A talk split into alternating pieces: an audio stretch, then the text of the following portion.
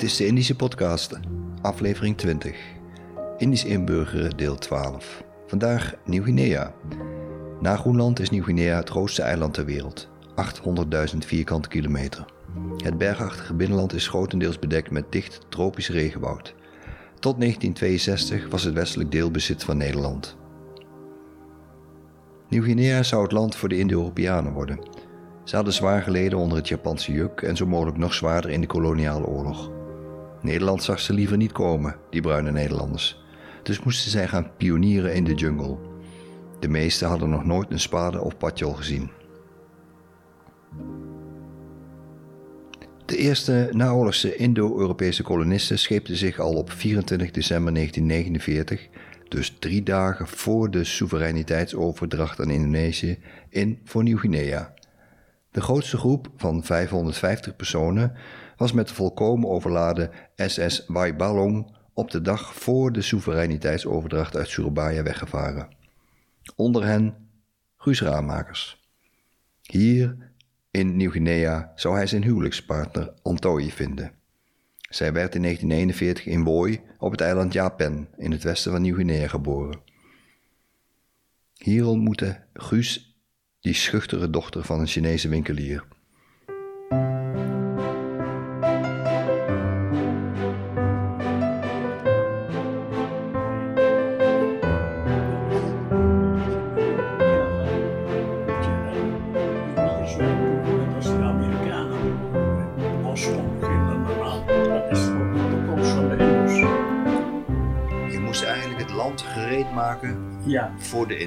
Ja.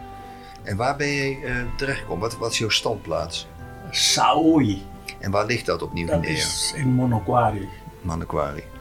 En je moest daar een soort gemeente eh, zorgen dat er een, een mensen konden komen wonen. Dus je moest eh, de infrastructuur. moeten het bos omginnen en al die dingen doen voor twee kwartjes per dag.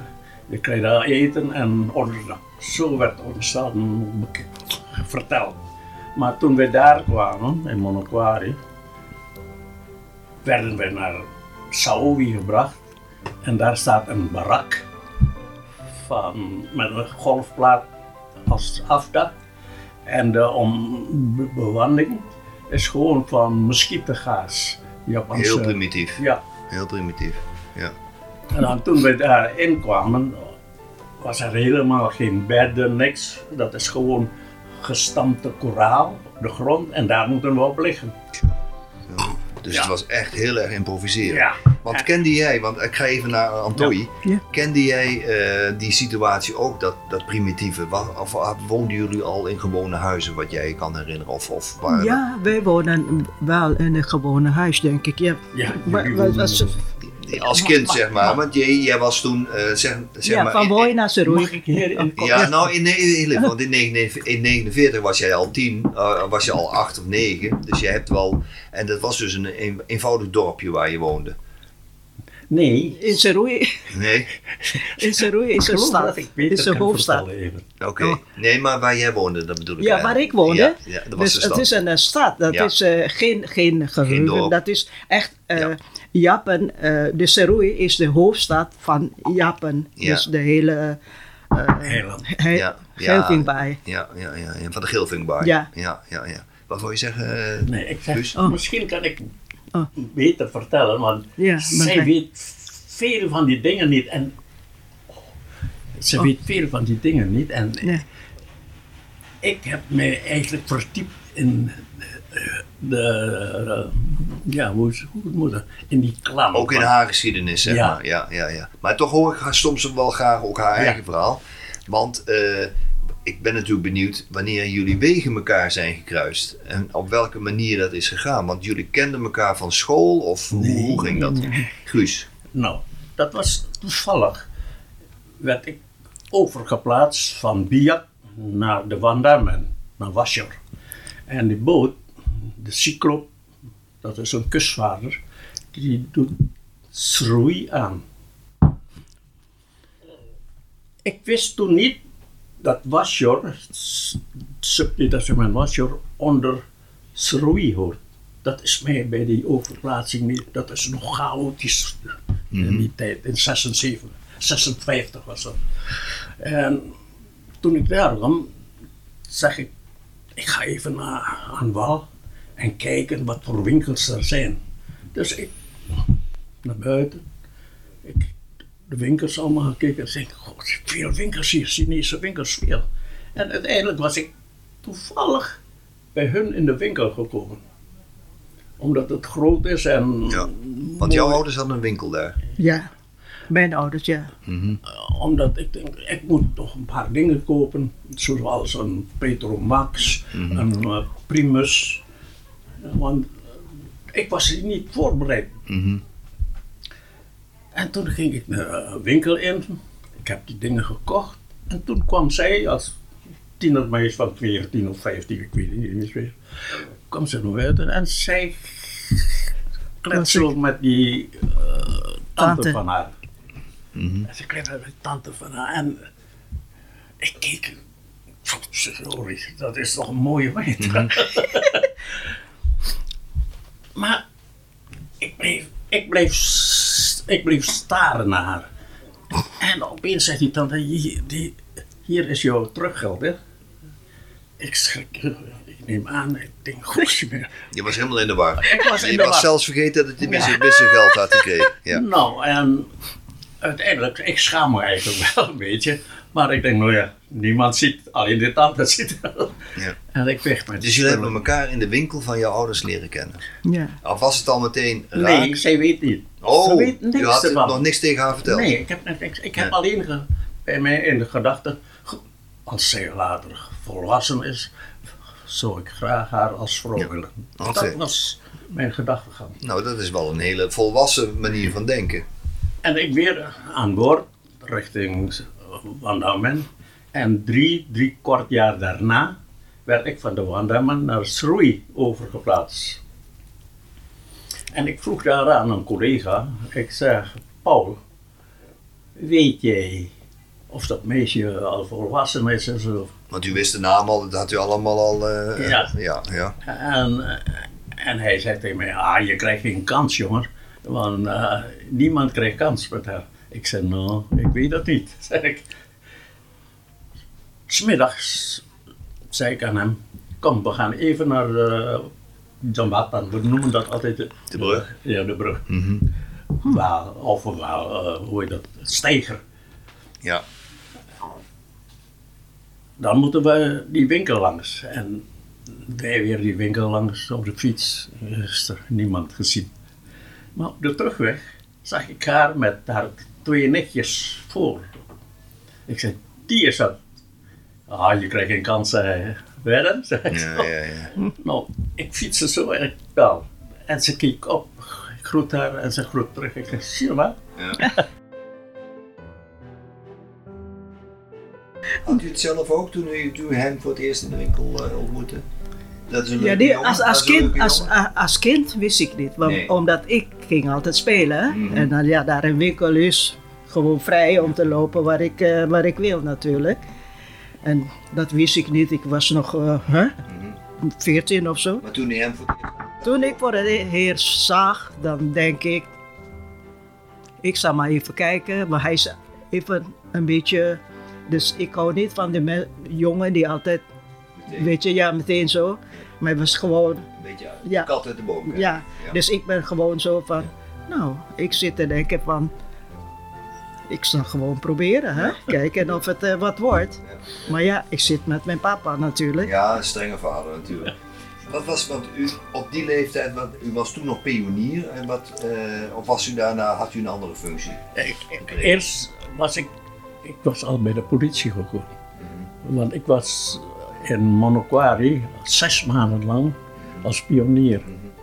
Zes maanden lang was ik pionier. En toen was ik, ik, ik ben eigenlijk een opstandige kerel. Als ik zie dat er eh, niet eerlijk wordt gehandeld, dan kom ik in opstand. En toen zei ik aan, aan die jongens, willen wij echt wel altijd pionier blijven, terwijl we zo behandeld worden? Ik zei, kijk, die andere jongens worden beter behandeld als wij. En u heeft er dan ook betaling? En over uh, ligging, on, on, ja. huisvesting ja, Want die andere jongens. En wat bedoelt u met die andere jongens? Waren dat niet Indische jongens? Ook Indische jongens, ook bij dat bedrijf. Ja. Alleen kregen ze daar een vuilbed, een klamboe en lekker eten ze. Ja. Hoe heette dat bedrijf? Firma Veer. Veer. In Saoui. Nou, en toen zeggen mijn drie collega's: Nou, wat wil je dan doen? We hebben geen onderdak als we weggaan van de veer, daar hebben we geen onderdak. Maar toen waren we toevallig naar Monoquari stad te gaan om een beetje check te kopen en zo. En toen kwamen wij bij de politie in Monoquari. En toen kwam de detachementscommandant, dat is de heer Bruinsma. Die zei, wat komen jullie doen? Oh, we, willen graag zien wat hier is bij de politie. Toen zei hij, waarom willen jullie dat zien? Toen zeiden we, ja, we waren in Batavia ook bij de politie. En we zijn toch een beetje benieuwd. Oh, willen jullie terugkomen bij de politie? Nou, als het kan, waarom niet? Toen zei hij, nou, maar waar werken jullie? Ik zei, bij Veer. Maar we hebben daar, dus we hebben hem verteld hoe wij daar behandeld worden. En toen zei hij, nou, ik heb voor jullie wel onderdak hier. Maar niet als politieman, maar gewoon een onderdak waar jullie kunnen wonen en slapen. Ja. ja. En toen hebben we dat aangenomen. En op diezelfde dag waren we teruggegaan, gelopen naar, Soui, naar Saoui. En we hebben een ontslag gevraagd van Veer. En die, die, zegt tegen ons, nou dat kan niet, jullie hebben een contract getekend. Ik zei, ja schrijf maar op je werkcontract. Als je ons zo slecht behandelt, dan... Uh, ja. Want u bent toen over, u bent dus, u hebt het aanbod aangenomen, maar bent u toen ook bij de politie gegaan weer? Ja. Ja, u bent dus echt officieel politieambtenaar weer geworden. Ja. In, in, in, in, welke regio was dat? In Manokwari. Manokwari. En wat was uw rang? Was u, uh... We waren in Batavia politieagent eerste klas. Oké. En in diezelfde rang werden we aangenomen. En u kreeg ook een uniform? Uh, in, ja, maar in Manokwari kregen we die, die uniformen nog niet. Nee. Want toen kwam toevallig... Uh, adjunct hoofdcommissaris van der Lely daar. En we hebben met hem gesproken en toen zei hij, weet je wat jongens, jullie gaan naar Hollandia, naar Bisji, daar is de politieschool. En jullie kunnen daar een cursus volgen voor posthuiscommandant tweede klas. Toen hebben ze akkoord.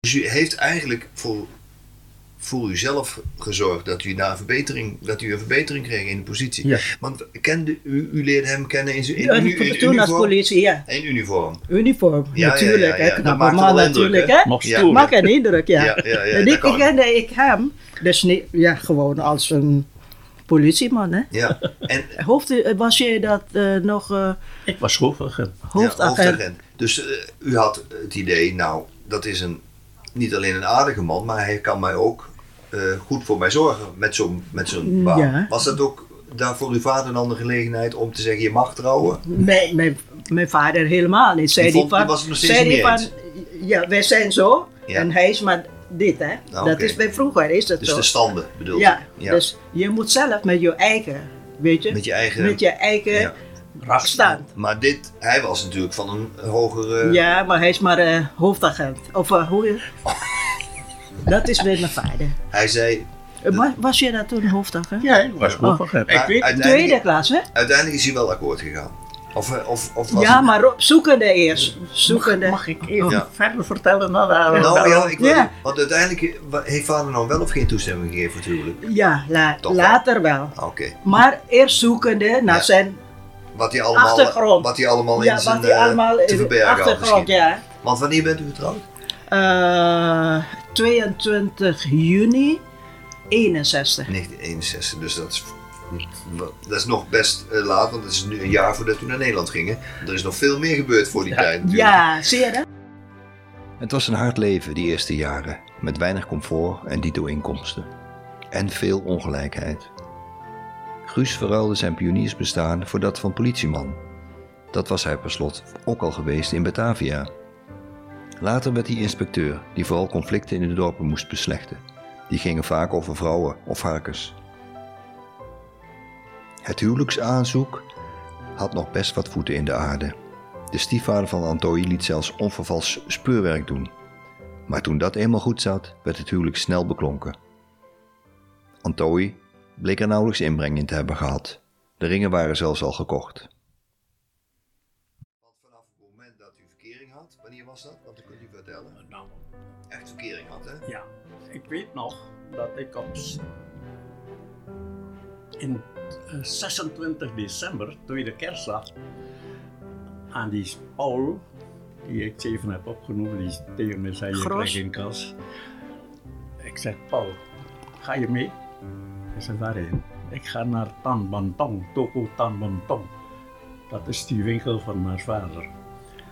En hij zei, wat wil je doen? Nou, ik vraag die oude heer even of ik met, haar, met zijn dochter op mag. Hij zei, ach man, ik kan het toch niet. Ik zei, kom maar mee. Dus hij was meegegaan en ik klopte aan de deur. Hij maakte open. Ik zei, mag ik met u praten? Ik zei, wat wil je over praten? Ik zei, laat mij naar binnen en dan zullen we praten. Dus ik kwam binnen en hij ontvangt mij. Hij zegt, "Eh, wat wil je? Ik kom je permissie vragen of ik met je dochter om mag gaan. Hij keek verstomd naar mij en zei, hm? Hij zei, dat is niet onze gewoonte. Dat jij zelf hier komt om mij dat te vragen. Dat moet je ouders doen, volgens hun Maar uw ouders traditie. waren helemaal niet daar. Nou, nou, ik zeg tegen hem, nou, laat me nou even uitspreken. Ik heb geen ouders meer. En daarom kom ik het zelf vragen. Hij zei, heb je niet niemand, iemand die hier voor jou kan spreken? Ik zei, je weet zelfs nog dat ik in november in Surrey ben aan. Dat is maar kort, een maand, zei ik zo. En dan, wie moet ik dan kennen? Nou, probeer maar een goede oude kennis te zoeken. Ik zeg, die ken ik nog niet. Maar goed, hij zegt, bij ons is het zo dat iemand voor jou moet praten. En mij moet benaderen. Ik zei, maar nou, ik heb niemand. Wie moet dat vragen? Hij zei, ja, dat kan niet. Want zij is nog niet meerderjarig. Nog, nog niet huwbaar, zeg maar. Maar hoe is het nou in het werk gegaan? Want u heeft een heel lang verhaal over hoe dat. Hoe bent u nou uiteindelijk tot zover kunnen komen dat zijn, haar vader, u heeft geaccepteerd? Dat komt. Toen ik dat zei, dat, hij, dat het niet kan, was ik weggegaan. En toen heeft hij, zowel in Biak, in de Wandamen, inlichtingen Informatie gevraagd. ingewonnen over uw persoon. Ja, ja. Ik schrok Moet je niet, maar kan wel. hij Ik zeg, zegt oh, tegen hij- mij, moet. oh, En ik, Dus het betekent dat u vrij snel, dat hij toch, hij had informatie ingewonnen over u, hij vond u ja, in prima. orde, in orde.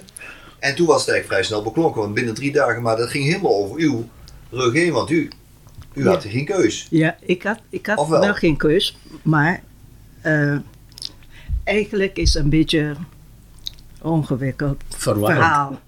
Want ik heb zelf mijn eigen eh, paarden en dit is paarden die ik Is een stiefvader. De Nee. is die vader Ja. een broertje van mijn vader. Oh ja. Dus, omdat hij heeft geen kinderen, dus vanaf klein al. U bent een beetje Dus zijn ik dochter ben zijn, geworden. ik ben zijn dochter Hij geworden. voelde zich ook verantwoordelijk Dat voor u. is het. Precies. En dat is en het. hij dat- beschermde u dus Juist. ook tegen En- kwade En daarom, invloeden. en daarom is het zo van, hij beschermt mij altijd. ja. En anderen, Maar u kende hem al, dus u was uiteindelijk ja. ook wel eens met die. Met die verloving. En dat is dus ook gebeurd. Ja. De patrouilles waren overigens niet zonder gevaar en duurden vaak lang. Het was toen in de jungle ergens dat hij hoorde dat zijn vrouw was bevallen van hun kind.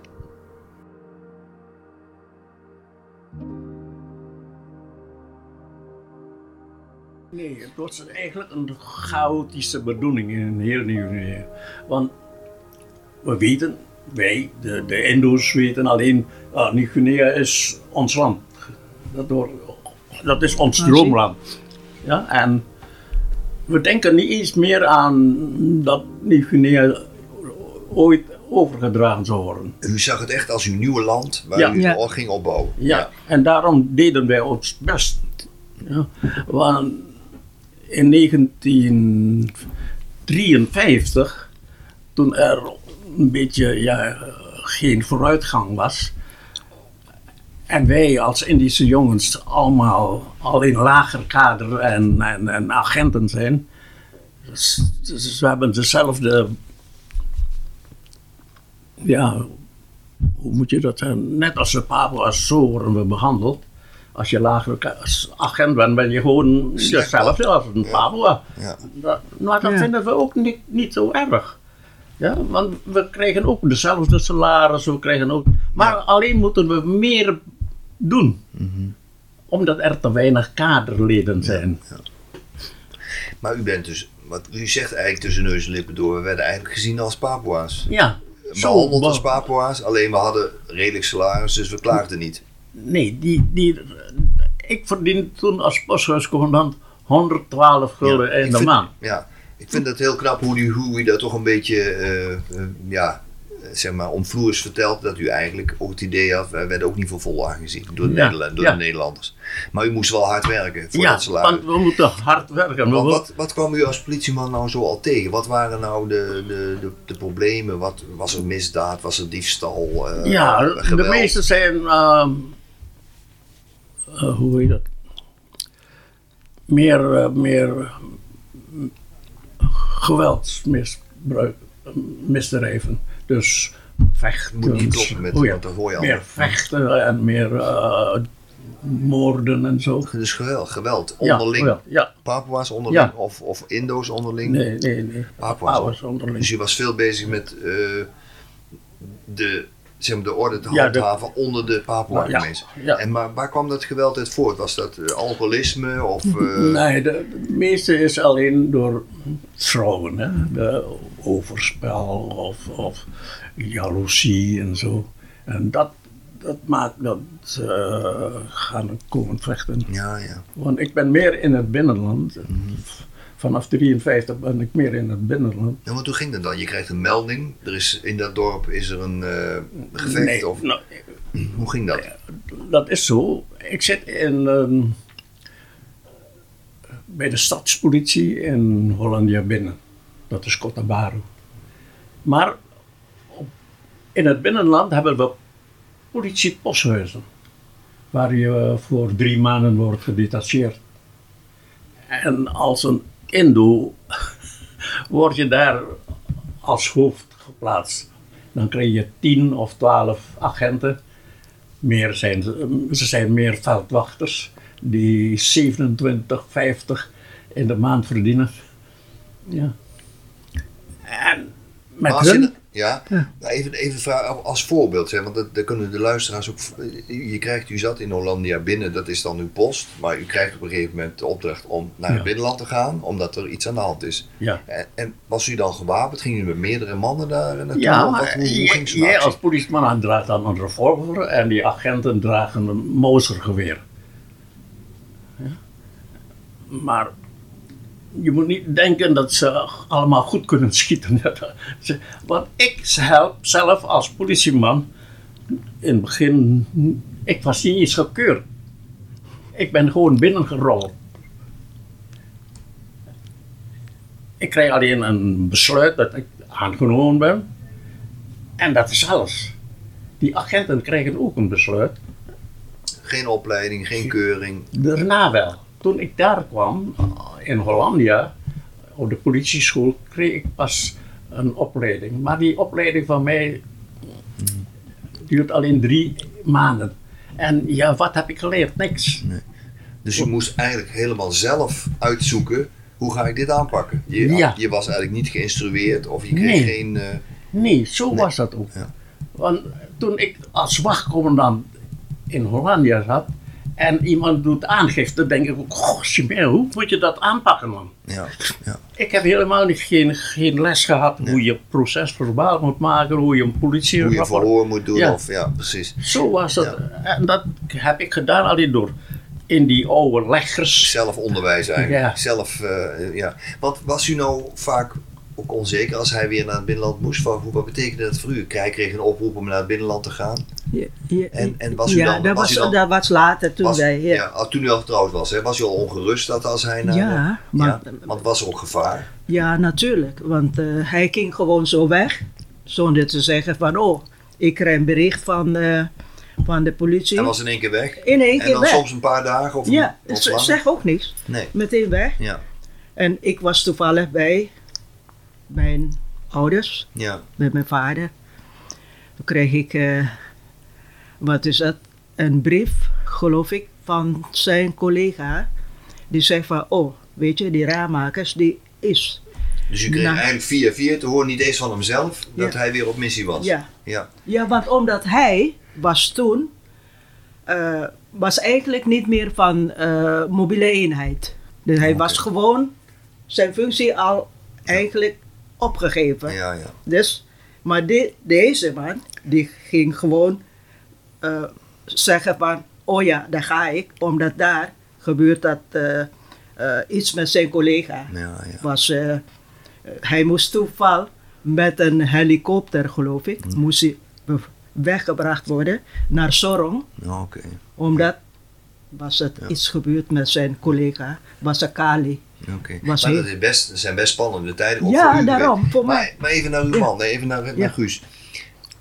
Je werd op missie gestuurd, je kreeg een melding, jij moet dit gaan doen. En hoe ging dat dan in zijn werk? Hoe werd je door de Papua-bevolking dan eh, benaderd? Was dat vijandig of... eh, Nee, nee. Ik, ik, weet niet. Ik, ik heb altijd geluk. Ik ben streng, hard. Maar ik zo, zal hun altijd houden. Ook mijn agenten. Als iemand aan mijn agenten komt, dan kom ik voor hun op. Want ik zelf zie dat als mijn plicht.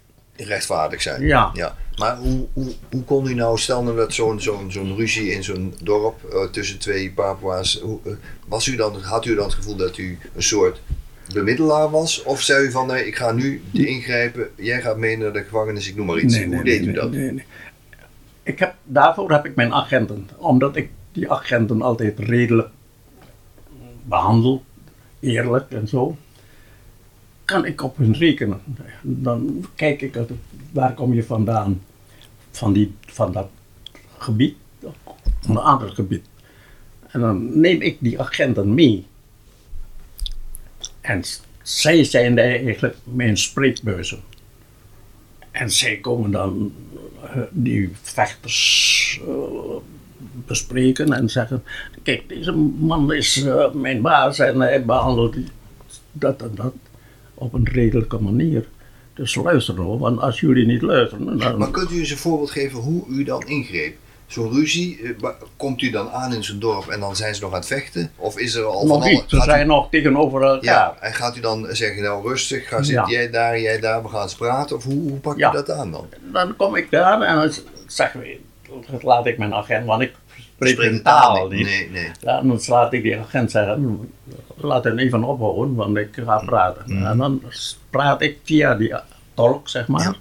En die tolk spreekt dan met hen uit. Ja, dat wordt, duurt nog lang. En, Ja. Dus u greep niet meteen in, u probeerde juist de partijen bij elkaar te brengen. Wat is er aan de hand? Eh, kunnen, hoe kunnen we het oplossen? Dus u zocht altijd de Die diplomatieke weg, zeg maar. ja. Maar is het ook wel eens gebeurd dat u geweld moest gebruiken? Nee, echt niet. Ik heb nog nooit echt geweld moeten U gebeuren. heeft uw revolver nooit hoeven gebruiken? Nee, nee, nee, nog nooit. Nee. Was het anders toen er eenmaal Indonesische infiltraties kwamen? Was, was, was het toen anders? Ja, in de vorm van. Er is vooral in Srui, in de Japan-eilanden en, en Waren en zo, zijn er ook mensen die pro-Indonesië zijn. De Papua's bedoel. Papua's. ja, en die proberen ook een beetje. eh, ja, Stemming te maken. ja, Mensen op de, Ja. op de jutten. En toen ik daar in 61 was, moest ik, of van Biak, moest ik plotseling naar, naar gaan, omdat met oud en nieuw gezegd wordt, volgens de inlichtingen, dat ze standen zullen maken. Maar dat kwam helemaal niet, want we hadden wel met oud en nieuw. Toen liet ik mijn agenten een patrouille lopen. 61, 62 bedoelt u? Ja. Die jaarwisseling. Toen, toen liet ik mijn agenten naar patrouille lopen. En toen werden ze eigenlijk gesmeten, met stenen gesmeten door die mensen. Toen Ja, hebben die, vijandig- vijandige toen hebben die agenten wel In de lucht geschoten. Ja, ja, ja, geschoten. ja. Want is het nou zo, want u, u bent eh, moeder geworden ook. Hoeveel kinderen zijn er geboren? S- Sani alleen, Sani is daar Ah, geboren. nou, oké. Dus u was moeder eh, en met een kind en u, u woonde in, eh, nou ja, in een veilige omgeving. Ja, veilig. Maar uw man moest vaak eh, het land in. Hoe heeft u nou die periode, ja, toen het dus duidelijk werd dat u misschien niet meer daar kon blijven, hoe heeft u dat aanvaard? Ja, Of- voor mij is dat heel moeilijk, omdat ik moet gewoon zeggen van, ik moet wel standvastig blijven. Want als ik zeg van, nou dat vind ik niet meer leuk, dan zei mijn vader, zie je, wat heb ik gezegd? Je mag toch niet met hem trouwen, maar je wil toch. dus ik moet zelf Ja. denken van, oh ja, Dus to- naar uw vader Dat toe moest u zeggen van, ik weet zeker dat ik hier wil blijven en, eh, of niet? eh, Of, of juist niet? ja. Had je, had, want had je al wel een keuze eigenlijk? Ja, ik had, ik had omdat, omdat hij wegging, de Sani moet nog geboren worden, zeg maar. En toen zat hij al te zeggen van, nou, of hij komt terug, ja of nee. Hè? Dus de beslissing is, moet jij zelf pakken. Ja, ik ja. zei, ja, ik ben toch niet meer daar Nee. in, in, in Waren. Ik ben toch hier. Was best moeilijk hè, zoiets. Want je komt, in een, voor, Ja. je komt voor een dilemma te staan. Guus, vertel. Ja, Ja, dat gaat zo. Voordat Sunny, voordat Sunny geboren werd, kreeg ik, ik was toen in Waren uh, subdetachamentscommandant van de politie in, op, dat plaatsje. Ik ben dus af van commandant mobiele politie. En dat was in. Jeetje mina. In augustus, geloof ik. Nee, niet in augustus. Voor april, voor april was dat.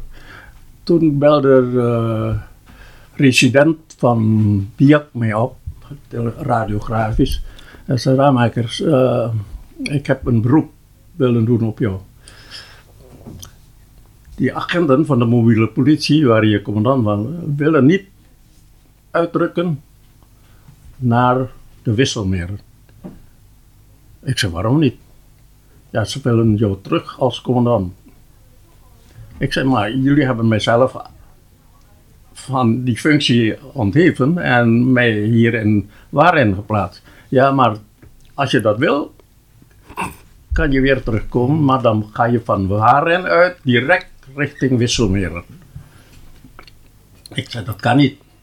Want mijn vrouw zit in het ziekenhuis. Ik heb haar net drie dagen terug naar Schroei ge- gestuurd, omdat ze moet bevallen. Ja, waar, wanneer is ze uitgeteld?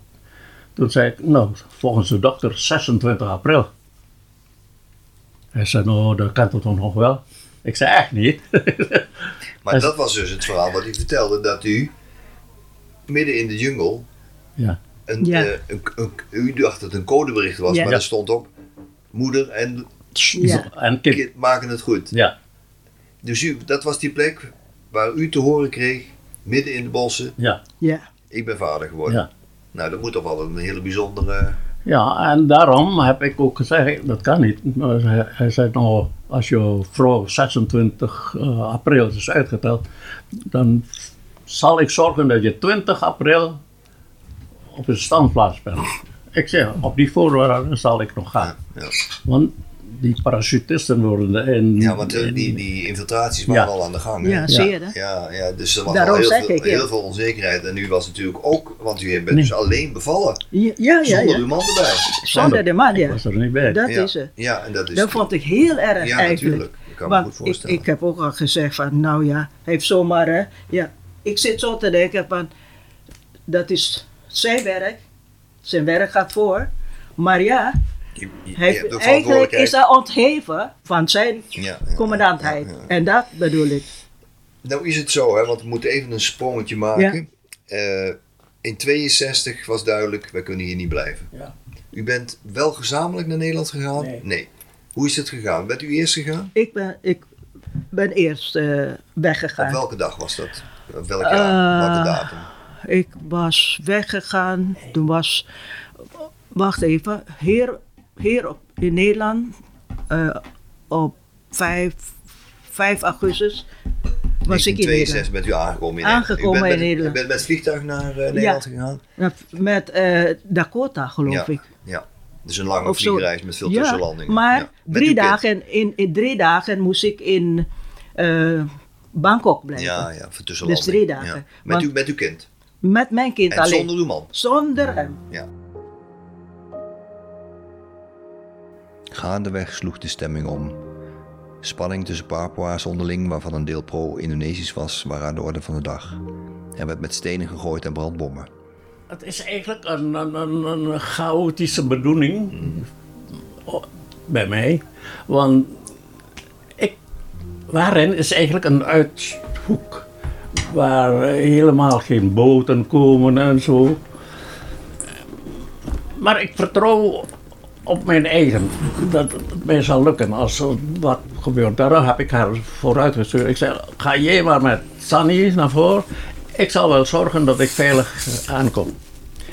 En ik kreeg wel radiografisch altijd. U maakt veel herrie. Ik kreeg wel altijd radiografisch berichten van de baas. En hij zegt: Ramakers, je kan in waren blijven en je kan in functie blijven, maar wil je ook overgaan naar de Indonesische politie? Ik zeg: Geen denken aan. Ik zei: Ik wil weg. Maar hoe komt dat dan? Zei hij: Ja, ik heb altijd in het kamp gezeten en ik weet hoe de Indonesiërs zijn. Ik zei, ik Nee. wil dat niet. Nee. Hij zei, nou, dan moet je zelf regelen hoe je hier in Sroei komt. Is er geen boot, is er niks. U kreeg geen medewerking. Nee, alles moet je altijd zelf eh, regelen. En ik zei, oké, dat zal ik wel zelf regelen. Dus in die tussentijd heb ik mijn eh, functie overgedragen aan de tweede man. Dat is eh posthuiscommandant Zounek, dat weet ik nog. Ik zei, als ik weg ben of waar, ik zei, dan ben jij de baas en dan moet je dat allemaal regelen zelf. Maar even tussendoor. Liep je nou gevaar als je zou blijven? Want je kreeg wel de keuze over te stappen naar de Indonesië, maar tegelijkertijd had je natuurlijk ook met anti-Indonesische acties betrokken geweest. Hè? Je, wilde, ja. Je moest toch als politieman ook tegen de infiltraties. eh, Ja, dat is wel zo, want ik stond op de zwarte lijst. Kijk, dat u misschien gevangen zou worden genomen. Ja. De, eh, want daarna zei ik, ik wil niet meer overgaan. Dan zei hij, maar ja goed, dan moet je zelf zorgen dat je wegkomt, want je staat op de zwarte lijst. En zodoende heb ik dan zo geregeld. En ik heb zelf zo geregeld dat ik, ja, dat kastgeld, dat is 80.000 gulden. Ja, 80.000 gulden heb ik in de kast. Van het bureau. Van, van, van het bestuur en, Ja. en allemaal. Zo. Want dat is eigenlijk eh, salaris voor, voor het bestuur. Mensen, voor de mensen van de Rode Kruis. Ja, en, Flink kapitaal ja, Ja. voor die tijd. ja, en ik denk, hoe moet ik dat doen? Toen heb ik een, een, iets uitgevonden van, ik zal die binnensleutel van de kas aan mijn uh, posthuiscommandant geven. En de buitensleutel van de kas aan de bestuursschrijver geven. Oké, dat ze elkaar nodig hebben om, Ja. om erbij te kunnen. Dus ik heb dat per procesverbaal aan hen overgedragen. Ja. En Maar moest u nu zelf de reis betalen? nee, Die kreeg u wel vergoed. De ja. reis naar Nederland. Ja. Wij moesten gewoon, ja. Dus ik, na die overdracht aan die agenten en aan het bestuursschrijver, kwam toevallig s'avonds een v- gouvernementsvisserboot aan. En toen was ik naar die stuurman gegaan. Ik zei, hey, wat kom je hier doen? Hij zei, ik ben hier even op bezoek bij mijn familie. Ik zeg, waar ga je naartoe? Ik ga naar eiland Japan. En u dacht, dat is wel handig, daar wil ik mee mee. Ja. Ja. toen heb ik gezegd, kan ik mee? Ja. Hij zei, natuurlijk kan ik mee. Ja. Dus ik terug naar die agent Ja. en, en de bestuursschrijver. Ik heb hem verteld hoe dat is. En van- maar vanuit Japan, hoe, hoe ver ben je dan van... eh, Van, van naar Waren. Ja, Naar Waren ben je ongeveer vier uurtjes. Ja, en vandaar van waar waren moest hij ook weer, want dan moest hij naar Hollandia? Of moest nee. Nee, ik naar naar, naar. Saroei, Van- oké. Ik, ik ben van En Waren naar, daar was een verbinding met... eh, ik ben van Waren naar gegaan. ja, ja.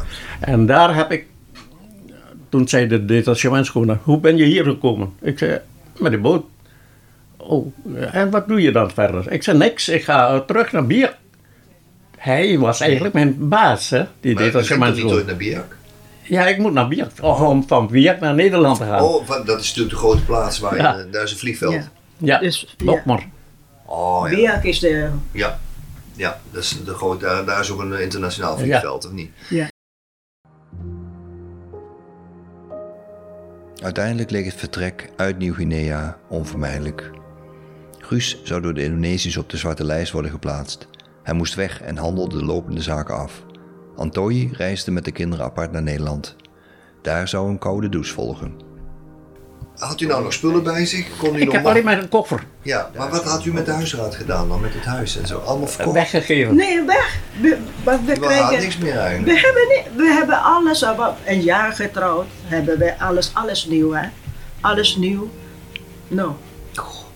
Dus net een jaar 61 zijn we getrouwd, de kind geboren. Net een paar maanden, drie maanden. En u kwam hier bij Eikbehoort aan. Ja, Want dus, u, u was dus augustus 62 hier. ja, ik was En u, 20. wanneer bent u aangekomen? Ook in 62, Ja, maar maar- in september. September, dus een maand later. Ja, Wat een avontuur zeg. dat is zo. Dus eh, ik, ik zit ook te denken van, ja gewoon, ik moest ook weg. Want ja, hij zei van, ja, je moet eerder weg. Dus ik zit te denken, ja, ik heb hem gekozen. Ja. Ik moet gewoon weg. Moet Ik kan niet bij mijn ouders Nee, blijven. Dat doe ik meer. niet. Nee. Ik zei, ik ga met jou mee, Ja. waar, wat er Maar ook gebeurt. ik volg jou. Ik Wij volg zijn jou. Maar als u nou terugkijkt, hè, want u bent dan uiteindelijk hier, we gaan niet uitgebreid weer over, over de periode hier hebben, maar als u terugkijkt, voelt u zich een beetje bedrogen eigenlijk? Ja. Ja. Ik voel me echt bedrogen toen ik hier kwam. Want vooral toen ik naar Nijmegen ging, kwam, in Nij- Nijmegen kwam wonen, toen zegt de gemeente tegen mij, je bent geen Nederlander, je bent Indonesiër. Ik zeg, ben je helemaal gek? Ik heb een bewijs van Nederlanderschap. Hij zei, dat geldt niet.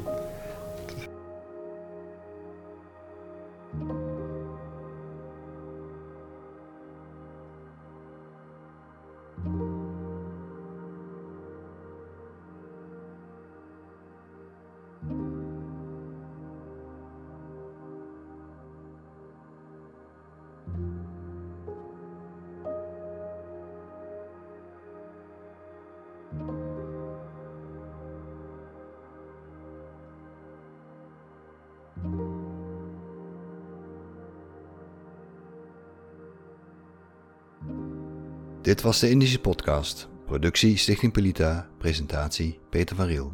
Meer weten? Ga naar www.pelita.nl